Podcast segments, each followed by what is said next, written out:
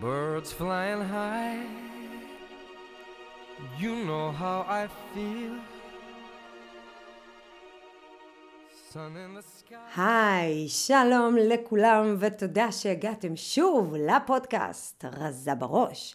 הפודקאסט שמיועד לכל מי שמאס בעולמות הדיאטה המקובלים, פודקאסט שמקנה ידע וכלים מנטליים והתנהגותיים כדי לצאת מהמאבק היומיומי עם האוכל לחופש מוחלט. אני נעמה פולק ואני מייסדת השיטה רזה בראש, שיטה לירידה במשקל באמצעות אבחון ושינוי דפוסי החשיבה המניעים לאכילת יתר, אכילה רגשית ואכילת לפרוטה תות מצופה בשוקולד מריר. אז שלום לכולכם ושלום במיוחד לכולכן. אין לכם מושג כמה חיכיתי לרגע הזה. סוף סוף לחלק האחרון של הראיון עם מעיין סרי. מעיין היא פסיכולוגית קלינית, מטפלת באכילה רגשית ומחברת הספר רעבות. ואחרי שני פרקים שהעליתי, הפרק הזה הוא פרק הסיום של טרילוגיית רעבות בפודקאסט של רזה בראש. והתקווה שלי היא שמה שאתן הולכות לשמוע היום בפרק הזה, יעזור לכן להסכים להשתחרר מההישענות המוחלטת על המשוואות הדיאטטיות. ובעצם יעזור לכם להשתחרר מהדפוס המרכזי ששולט בו, שזה דפוס החשיבה של הכל או כלום. ואם זה נשמע לכם מוכר, אתם לא טועות, אני הקדשתי פרק שלם בפודקאסט לדפוס הכל או כלום, ואני ממליצה לכם להקשיב לו שוב. כי כמו שאתם כבר יודעות, בכל פעם שאנחנו נקשיב, אנחנו נשמע את הדברים אחרת, ואנחנו נבין את הדברים אחרת, אז תקשיבו שוב לפרק על אשליית הכל או כלום, פרק מספר 5, שאני הסברתי בצורה רחבה על המשמעות של הדפוס הזה בחיים שלנו, וגם נתתי כלי מעשי לאיך אפשר לשנות אותו לדפוס חשיבה אחר. אני אשים לינק בתיאור של הפרק, פרק מספר 5. בסופו של דבר, ההאזנה הזאת של הפרקים באופן שחוזר על עצמו, זה דבר מאוד מאוד חשוב, כי הפרקים משלימים אחד את השני. הם מחזקים אחד את השני, וכל פעם שאנחנו נבצע את החזרתיות הזאת בהאזנה, זה יכול לעזור לנו להגיע לתובנות עמוקות יותר וברורות יותר על כל הדפוסים הלא מודעים שמעצבים את המציאות שאנחנו פוגשות ביום יום, ועל מה אנחנו צריכות בעצם לעבוד כדי לשנות אותם. את החלק הקודם, רעבות להרגיש רגשות, סיימנו בשאלה מה קורה כשאין תוצאות. אז בלי למתוח אתכן, אפילו לא עוד קצת, החלק השלישי בטרילוגיית רעבות עם מעיין סרי, רעבות להרגיש חופשיות. בואו נתחיל עכשיו. רגע, אבל מה קורה כשאין תוצאות? זאת אומרת, מה עכשיו היית אומרת למישהי שאת מלווה? אני בטוחה שאת פוגשת את זה, שבאות בנות והן עושות תהליך רגשי. והן עושות תהליך תודעתי, גם אפילו שזה תהליך פסיכולוגי, זה עדיין תהליך תודעתי. בהחלט. והיא לא רואה תוצאות. אז אני אגיד לה כמה דברים, זה שוב מה התוצאה. כלומר, זה נכון שהן באות והתוצאה שהן רוצות, וזה בסדר, זה במשקל.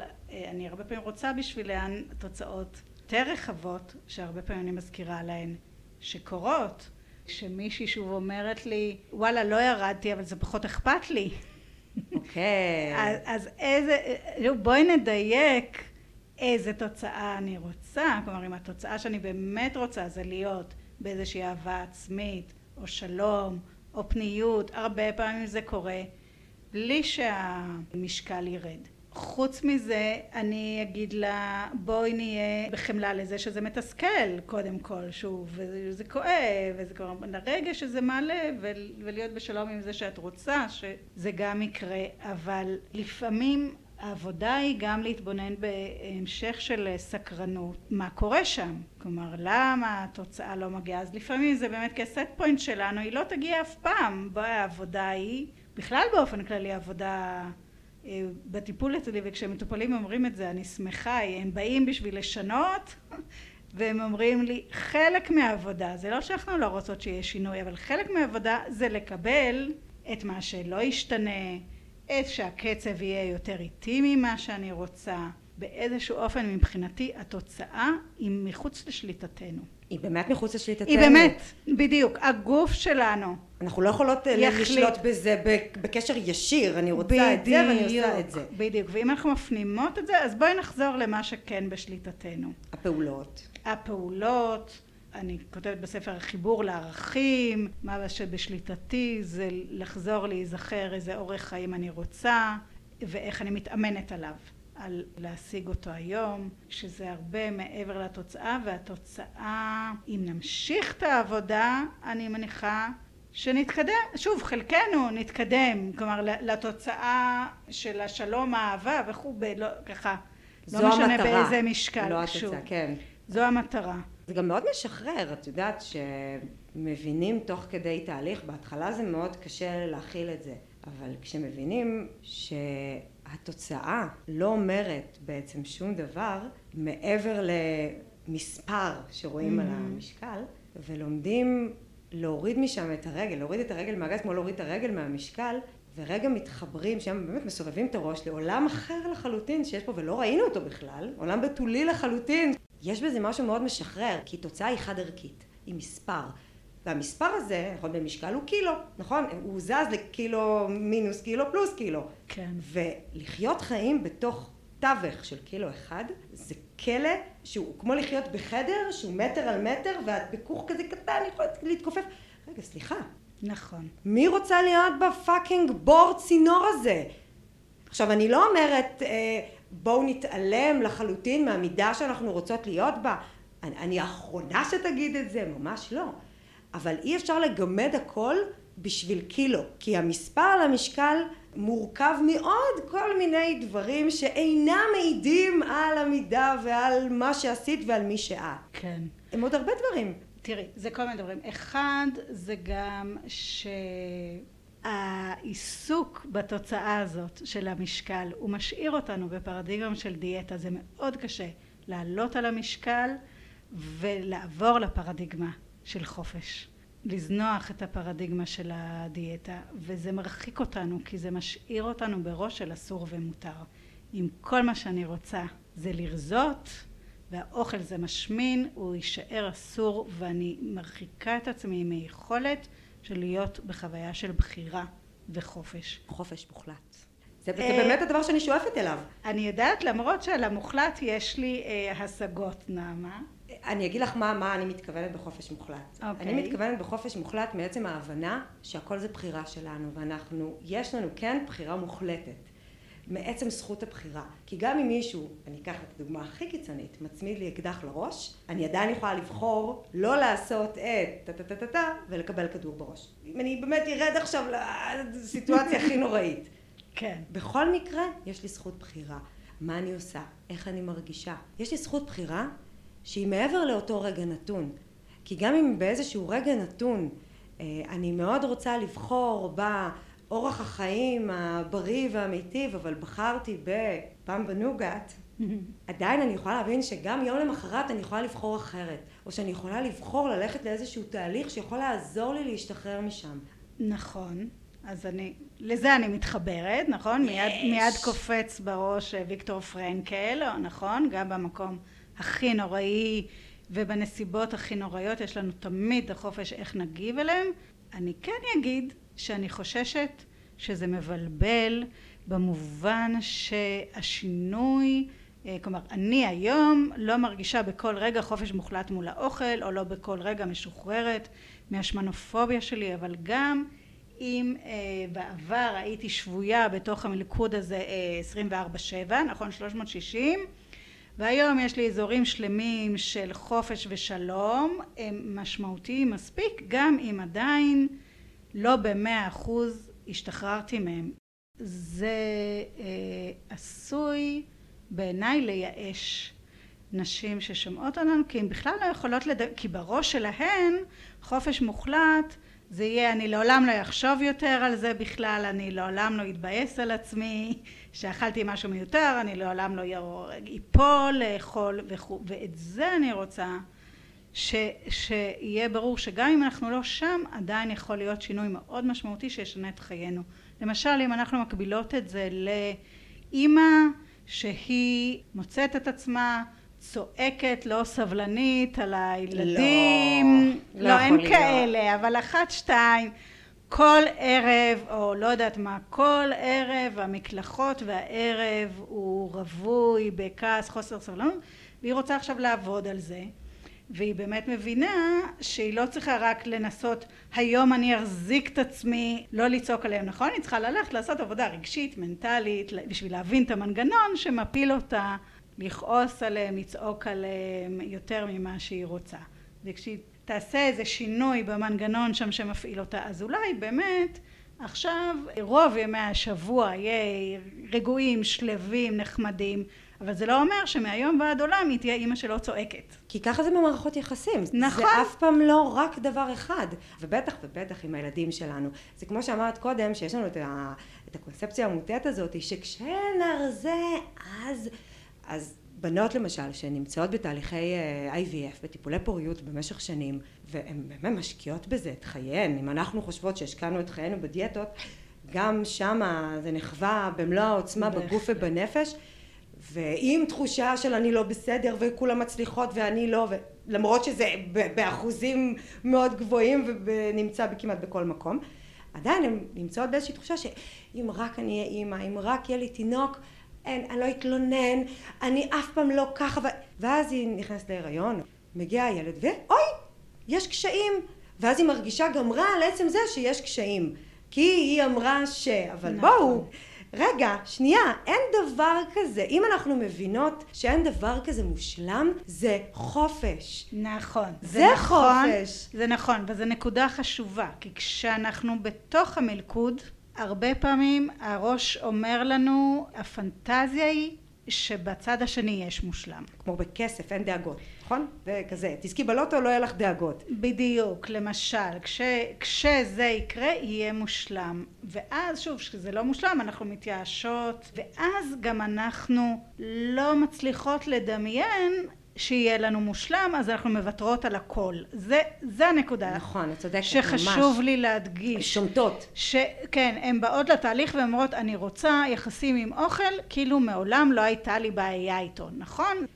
כאילו אלכוהוליסט, תגיד, אני רוצה יחסים עם אלכוהול, כאילו מעולם לא הייתה לי בעיה. אי אפשר למחוק שפת אם.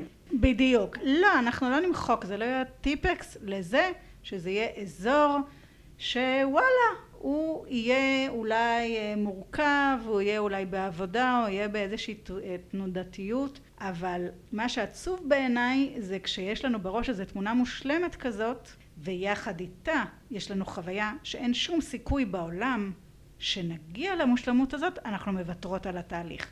והנקודה שאני נורא רוצה להדגיש זה שלא אין מושלם ועדיין יש וואלה שווה שווה שווה. זה לא הכל או כלום. זה לא הכל אם זה לא מאה והגעת לשמונים אז עדיף שתהיי בשמונים ולא תשמטי חזרה לעשרים. בדיוק יש שמיים בארץ להיות בעשרים אחוז ממשיך להיות לי עיסוק מחשבתי בלה בלה בלה ושמונים אחוז חופש גם אם זה לא מאה אחוז לעומת אני בתשעים וחמישה אחוז מהזמן שלי האנרגיה שלי שם וחמישה אחוז חופש זה הבדל של שמיים וארץ, אנחנו לא צריכות, חייבות שוב להגיע למאה אחוז בשביל שחיינו ישתפרו באופן משמעותי. בואי רגע נדבר באמת על החיים שאחרי. אוקיי. Okay. איך את, מהזווית שלך, חווה היום את החיים שאחרי, אני עושה מרכאות, לא רואים אותי, כי דמיינת את זה הרבה שנים. אמרנו, 32 שנה היית בתוך כן. המאבק הזה.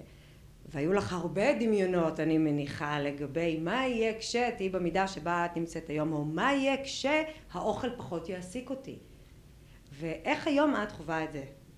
אז תראי קודם כל אני אגיד ברור שלא הצלחתי לדמיין את זה. אני אביא לך חלק מבאמת ככה עשיתי השקה לרעבות אצלי בבית היה באמת מרגש ברמות אחרות. ואני אמרתי שם שאם הייתי הולכת למגד את עתידות שהייתה אומרת לי, כן, בתוך המלכוד המזוויע הזה, שאני אכתוב את רעבות, אני הייתי אה, מפטרת אותה, כלומר לא הייתי אסרטיבית אז מספיק לפטר אותה, הייתי משלמת לה, אבל בלב הייתי חושבת גברת אה, יקרה, את לא במקצוע הנכון, כי אמרת שטות מוחלטת. אז אני חושבת שזה מה שהתחלנו איתו, שבאמת קשה לדמיין את האדוות הנפשיות, שוב, שזה מייצר איזו חוויה עצמית שאני מסוגלת להתגבר על הפחד ואני מסוגלת אה, להגשים חלומות. מסוגלת להתמודד עם קשיים. מסוגלת להתמודד עם קשיים, הנה, לא מפחדת מהם. הנה, בדיוק. שעשיתי את הבלתי אפשרי, נכון. אני... אה, שהוא לא בלתי אפשרי. שהוא לא בלתי אפשרי, צריך את המפה הנכונה, כמו שאני כותבת האמת היא שהיום אה. בטח גם את תתחברי לזה, היום שאני מסתכלת על החיים הקודמים, זה נראה לי בלתי אפשרי לחיות כפי שחייתי אז. זה כבר נראה לי בלתי אפשרי. כן, אני לא שם, אני, אני מבינה איך זה בלתי אפשרי אפשרי מדי. במובן הרגשי. כן, במובן הרגשי, נכון. זה, זה באמת, שוב, אם אנחנו חוזרות להתחלה, זה כאב לב, זה באמת כואב, כי זה באמת, אני כותבת את זה ברעבות. לדמיין את המצבה שלי, שמה שכתוב עליה זה פה קבורה אישה שנורא רצתה לרזות, שזה מכיל בתוכו גם שזה הדבר העיקרי שהיא הייתה עסוקה בו וגם שהיא לא הצליחה בזה, זה זוועה, זה באמת איזה ענן שחור שמלווה את אה, חיינו. בואי נגיד שהחיים שאחרי הם באמת שונים מהפנטזיה שהחזקנו, אבל בעיניי הם עולים על הפנטזיה. כמו שאמרת, לא יכולתי לדמיין את זה. כי אם הפנטזיה הייתה מאוד אה, מוחלטת, אז עכשיו היא הרבה יותר טובה, כי א' היא הרבה יותר משוחררת, והיא באמת ריאלית. זאת אומרת, אני באמת מסוגלת להבין איך זה מסתדר. כן, וגם בואי נגיד, הפנטזיה הייתה בסוף נורא מצומצמת. היא הייתה לעלות על המשקל ולראות עליו מספר מסוים, כאילו לשם המוח לקח את, ה, את הפנטזיה, הוא אפילו לא התפנה משם לחשוב, אוקיי, מה זה אומר? שוב, ולדמיין שאני אהיה מאושרת במשקל הזה תמיד. ובתוך החופש התפנה מקום בכלל, שוב, להתחבר לרצונות, למשאלות, אה, למה שהחופש והאנרגיה האלה מאפשרים. אני חווה את השינוי המשמעותי בחיים שלי היום, בעצם השינוי הוא, הוא בזה שאני לא משקיעה מאמץ כל כך בלנסות להיות משהו שלא יכול להיות. זה כמו לנסות להיות אימא מושלמת, הרי זה לא יכול להיות. אז אם נורא תתאמצי להיות אימא מושלמת, שאף פעם לא צועקת, אף פעם לא כועסת, אף פעם לא מתאכזבת, אף פעם לא... תמיד מגיעה בזמן להוציא, תמיד, תמיד נמצאת בבית ש... אי אפשר לחיות ככה. בדיוק. זה מאוד מתאמץ, אי אפשר לחיות ככה. אבל אם אני מבינה איך אני יכולה להיות good enough mom, אימא טובה דייה, זה הרבה יותר משחרר. נכון, אז זה אותו דבר, נכון? אנחנו שתינו מדברות על איך להתייחס לגוף כאל ילד תינוק שלנו. נכון, זה מערכת יחסים. בדיוק, אז איך אני אהיה אימא טובה דייה לגוף שלי, ואם את שואלת אותי על החיים לפני ואחרי, אני חושבת שלפני אני הייתי באמת אימא שונאת כלפי הגוף שלי, אימא נגאלת מהגוף שלי, אימא באמת, כאילו מסכן, מסכן הגוף שלי. אה, אני עושה תרגיל אצלי בסדנאות וגם אני כותבת עליו בספר, עשיתי לא מזמן של לכתוב לעצמי מכתב מהבטן. אני מזכירה את זה, פתאום לתת מילים, אני זוכרת שכתבתי את זה ו... וממש כאב לי עליה, כאילו, נכון, אנחנו מרגישות שהבטן שלנו מתעללת בנו, אבל אנחנו אימהות מתעללות בה, אלוהים ישמור, מקללות אותה על בסיס יומיומי, רואות אותה כנוראית ואיומה, מתנתקות ממנה, לא קשובות לצרכים שלה. ואיך אנחנו רוצות שהגוף שלנו בבטן יחזירו לנו אהבה, אם זה מה שאנחנו נותנות. אם אנחנו ש- היינו הילדות של אימא כזאת, שאף פעם לא מרוצה כן. מאיתנו, ולא משנה אם הבאנו לה ארבעה ילדים לעולם, וספגנו עליות וירידות ומכאובים וכאלה, והיא עדיין לא הייתה מרוצה, ולו מילה אחת טובה יש לה להגיד, היינו נעלבות ויושבות על ספת הטיפולים, ובאמת בצדק. כי, כי זו בדיוק. באמת חוויה מאוד קשה. נכון. ומה ששונה באופן מהותי מהלפני ואחרי, שקודם זה העולם היחיד שהכרתי. בסדר? היה העולם של האובססיה להשמנה וההתמכרות לאוכל, זה היה העולם היחיד שהכרתי. והיום יש עולם אחר, יש בית שלם, רגוע, טוב, וכו', וגם אם מדי פעם אני חוזרת לשכונה הישנה או לתוך המבוך ככה של ההתמכרות, אני יודעת שיש ממנו דרך יציאה, ואני יודעת לחזור אל השקט, השלום, הרגע הזה שבו אני נורא אוהבת את הגוף שלי.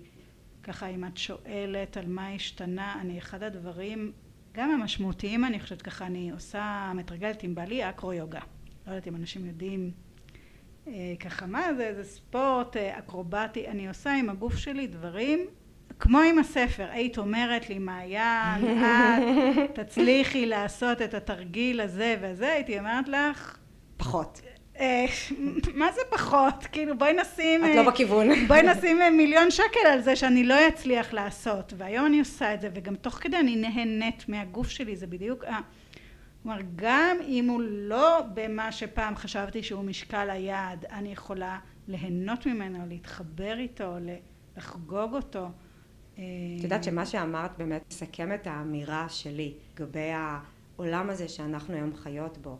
כי בעצם באנו הרי לפרק מתוך התכווננות גם לא רק בפרק אלא גם בעשייה שלנו לשקף שיש דרך אחרת ויש עולם אחר. כי וכל אחת מאיתנו שמשקפת את הדרך הזאת יכולה להראות שזה אפשרי. העולם הזה שאני חיה אותו היום בגלל שהוא לא המושלם הוא הרבה יותר נעים ונוח ואני חווה אותו בצורה הרבה יותר טובה. כמו שאת אומרת אני לא נמצאת בגוף המושלם הזה בדיוק שרציתי אבל אני נהנית הרבה יותר היום מהגוף שלי מאשר שהייתי במשקל יותר נמוך. בדיוק. וזה בדיוק כמו מה שניסיתי להגיד קודם על אימהות. אם אני אנסה להיות אימא מושלמת אני לא אצליח ליהנות מהיותי אימא. ואם בכלל המטרה שלי זה להיות אימא טובה או ליהנות מחיי האימהות עצם השאיפה להיות במושלמות הזאת פוגעת משמעותית מאוד בהנאה שלי או ביכולת שלי בכלל להיות אימא מיטיבה נקרא לזה ככה לילדים שלי. זאת אומרת שני צעדים אחורה מהמושלם שלא לומר עשרים צעדים אחורה מהמושלם או בימים עשרים בימים עשר בימים שלושים לא משנה מאפשרת לי להיות הרבה יותר הרבה יותר ממה שחשבתי שאני אהיה או ממה שאפשר או ממה שהייתי. נכון בדיוק אני אשתף איתך. מטופלת שלי באמת לא מזמן זה ממש חלק ממה שהיא אמרה לי שעזר לה לעשות הסוויץ' שפתאום נחת לה האסימון שהיא מפנטזת רוצה נגיד שליטה מושלמת באכילה.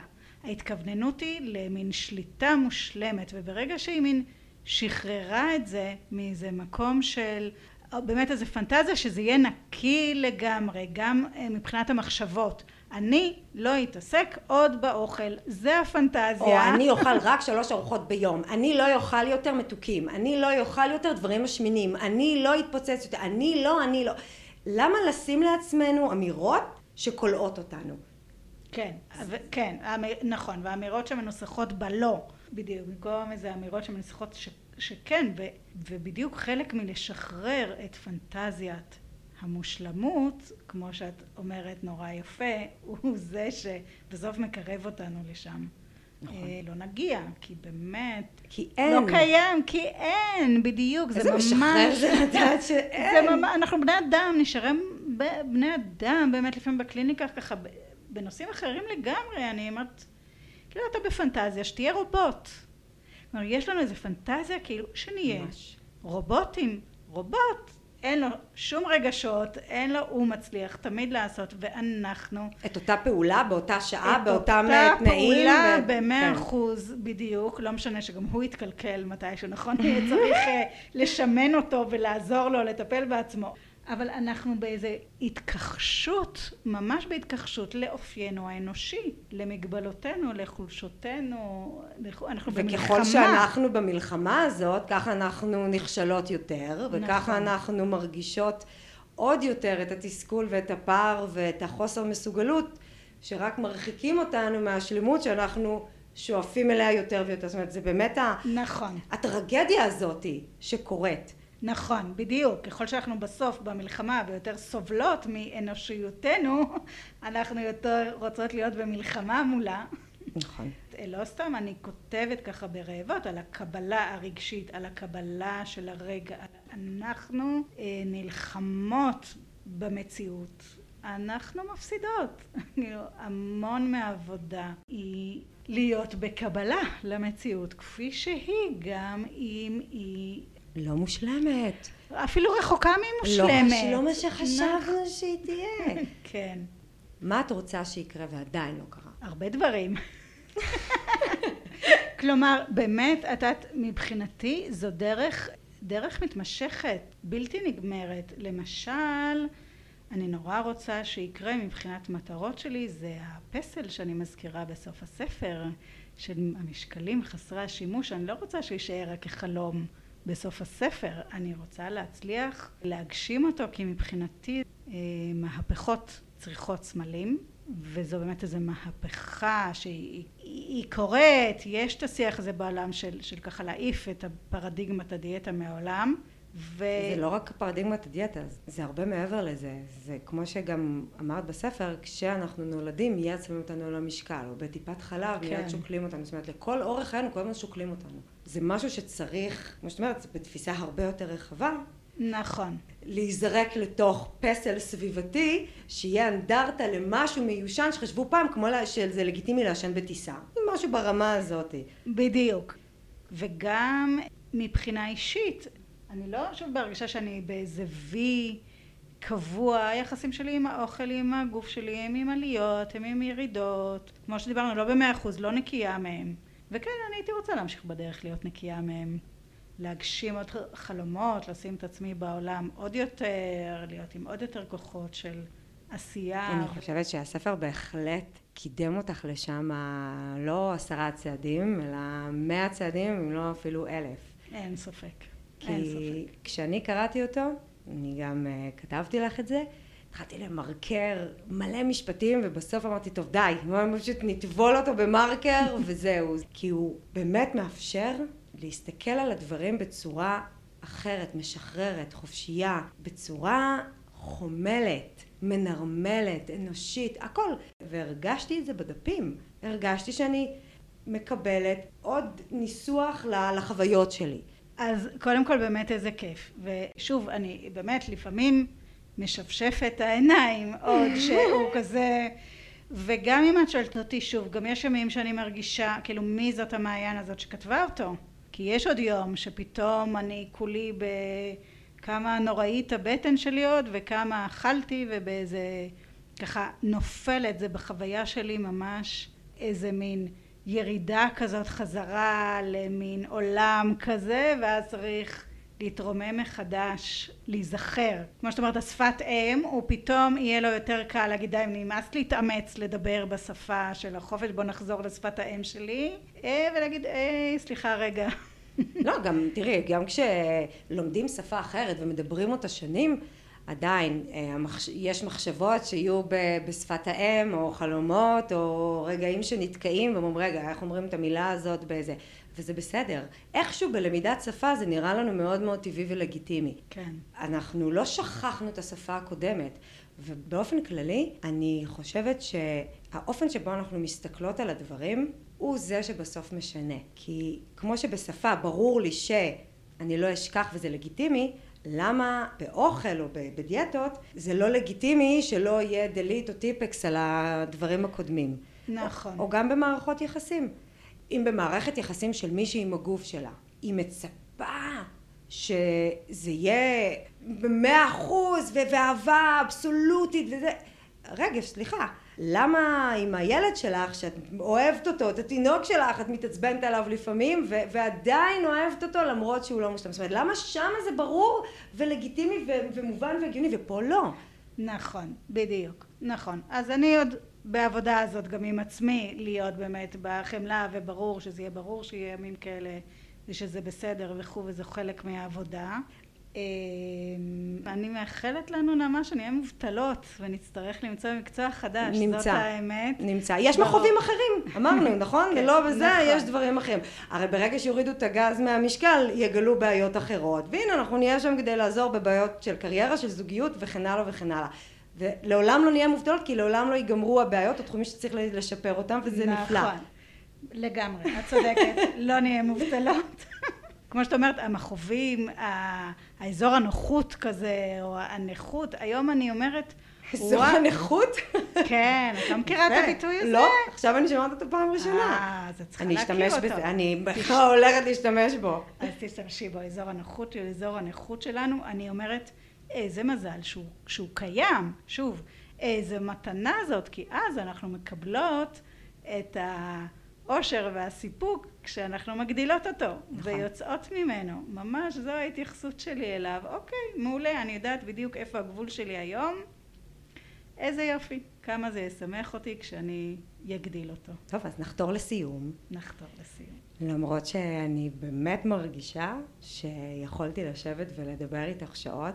טוב, כמו עם פסיכולוגית, נכון? תמיד יושבים ומרגישים שאתה יכול לשבת ולדבר ולדבר ולהוציא ולהוציא שנים, ולהוציא. למה שעות? שנים ושעות, שעות רצופות. שעות. רצופות. ואני רוצה להגיד תודה על זה שבאת, ואני רוצה להגיד תודה על הספר המופלא הזה שכתב. תודה, באמת, תודה בשמי, תודה בשם אחרות. אני מרשה לעצמי להגיד גם תודה בשם אחרות, שפשוט כתבו לי איזה ספר נפלא. אז תודה רבה, מעיין. אני מאחלת לך להמשיך ולהפיץ את הבשורה ולחוות את ההנאה שביומיום, את השחרור, את החופש הלא מוחלט. את החופש הזה יותר ויותר, כל החוויות הנהדרות שאת אוספת וחובה והגבולות שאת פורצת בכל פעם, כי זה באמת ממכר. הדבר, התמכרות אמנם טובה, לפרוץ גבולות זה ממכר וזה דבר נהדר. כל עוד את מחוברת לערכים העליונים שלך ואת כבר יודעת איך לעשות את העבודה הזאת. תודה רבה. בחזרה לך, באמת, על ההזדמנות הזאת. וההזדמנות להכיר אותך ולהיחשף לקהילה הנפלאה שלך ולפודקאסט שלך, באמת, באמת. אז תודה שהגעת לפרק ותקנו את הספר אם עדיין לא קניתם אם עדיין לא קראתם זה הזמן אני אשים בתיאור של הפרק לינק לרכישה אפשר בדיגיטל אפשר גם להזמין ספר הביתה אפשר לקנות בחנויות כן, אפשר, בוא נגיד, הוא באתר עברית בהחלט, אפשר בדיגיטל. מי שאוהב את ספר מרשרש הוא באתר הקיבוץ המאוחד, שזו הוצאה שהוציאה את רעבות, מאוד מאוד חשוב לתת להם קרדיט. וכן, תקשיבו לנעמה. אמן ואמן. תודה רבה מעיין בשמחה. אז עד כאן הראיון המופלא עם מעיין סרי, וכמיטב הקלישאה כל סוף הוא התחלה חדשה, אז הפרק הזה הוא אמנם סוף הראיון, אבל הוא גם התחלה חדשה, כי הוא מכיל בתוכו זווית אחרת ושונה לחלוטין, שדרכה אתם יכולות להסתכל על חיי היומיום שלכם, על האתגרים שאתם פוגשות מול האוכל והמשקל, כי כמו שהבנתן, האתגרים האלו לא ייעלמו מהשטח. כי אוכל לא ייעלם מהשטח והגוף שלנו לא ייעלם מהשטח. אז כל שנותר לנו זה ללמוד לנהל איתם מערכת יחסים שאנחנו רוצות לחיות בתוכה. זאת מערכת יחסים שמלווה אותנו ככה או אחרת, מהיום הראשון שלנו עד היום האחרון. וכמו שאנחנו משתנות מהיום הראשון ועד היום האחרון, כך גם הקשר שלנו עם האוכל והגוף שלנו הוא קשר שלעולם לא יכול להיות תמיד בדיוק אותו הדבר. ואיזה מזל. כי זה אומר שלא משנה מה טיב הקשר ביניכם כרגע, אתן תמיד יכולות לבנות איתו קשר מחודש. ובתקופות מסוימות זה יהיה קל יותר. ובתקופות אחרות אתם תשקיעו הרבה יותר. ולפעמים יהיה לכם כוח ומוטיבציה, ולפעמים אתם תרצו פשוט לעזוב את הכל. אבל מהגוף שלנו אי אפשר להתגרש, ומהאוכל אי אפשר להיפרד. ולכן לפעמים אתן תרגישו שאתן צריכות לדחוף טיפה חזק יותר. אז כדי לתת פוש קטן בעלייה, עלייה שגורמת לנו להשתפר ולהיות טובות יותר, אני רוצה שתזכרו שאם הכל היה קל לכן, זה סימן שאתן בירידה, וזה לא הכיוון הנכון. ואני אשתף אתכן במה שהיה עוזר לי פעם, לתת את הפוש הזה, הקיק הזה. בזמנו, לפני כמה שנים, כשהייתי רצה, הייתי פוגשת את הקיר של הקושי, במיוחד בריצות ארוכות. והקיר הזה לימד אותי שיעור מאוד חשוב. הוא לימד אותי שאם אני רוצה להתקדם, אני צריכה לעבור דרכו. ומה שהכי חשוב, זה שהוא לימד אותי שאם אני יודעת לזהות אותו נכון, ולא נבהלת מזה שעכשיו קשה לי, אז ככה יהיה לי הרבה יותר קל לעבור אותו. ואת הקיר הזה אנחנו פוגשות בכל תחום בחיינו. זאת אומרת, לפחות בכל תחום שחשוב לנו להתקדם בו ולהשתפר בו, ובעצם כל מה שאנחנו צריכות זה לדעת לזהות את הרגע הזה של ההתנגדות לשינוי ולא להיבהל ממנו. אז כשהייתי רצה, היה לי שיר מיוחד בפלייליסט של הריצה, שהיה עוזר לי ברגע של הקושי לעבור את הקיר. ובשביל שכולנו נוכל לעבור את הרגע הזה שהמוח מתנגד לשינוי ויציאה מאזור הנוחות שלו, תזכרו שיש שיר אחד שעזר למישהי אחת לעבור אותו כל פעם מחדש.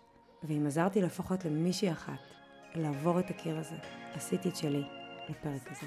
אז יחד עם השיר הזה, אל תבחרו לחכות. תבחרו מי אתן רוצות להיות. תודה שהקשבתם ותודה שאתם כאן. להתראות. אני יודע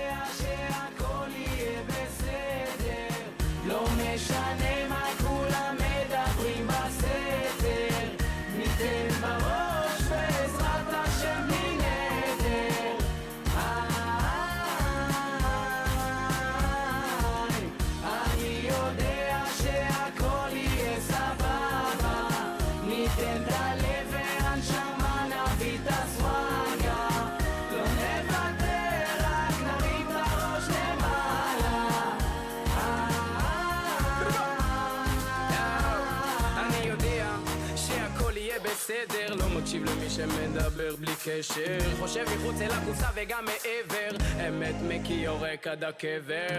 לא מתערבב, לא משחק במשחקים. לא קונה, לא קונה אלף חיוכים. עסוק בעצמי, לא תובע בתככים של נחשים שמנסים למשוך בחוטים.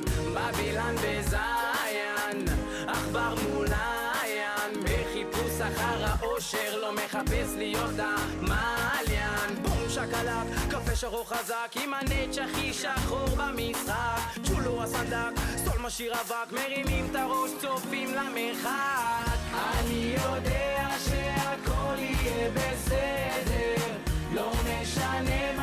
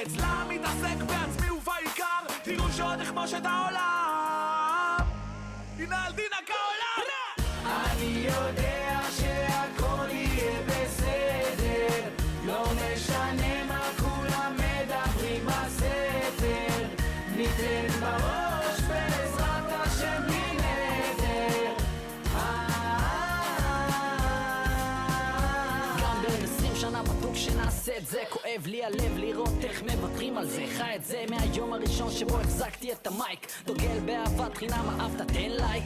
אבא לי תמיד אמר אסור לוותר. אנחנו לא דור שמפחד לדבר. יש אמת שבועטת חומות לנטר. עם מקצבים שלוקחים אתכם למקום אחר. אני אתיופי רסמי אל תאמר לא ידעתי. לתת לא רצו אז לקחתי. במלחמות הם עסוקים אני פשנתי בעטתי. אתיופי רסמי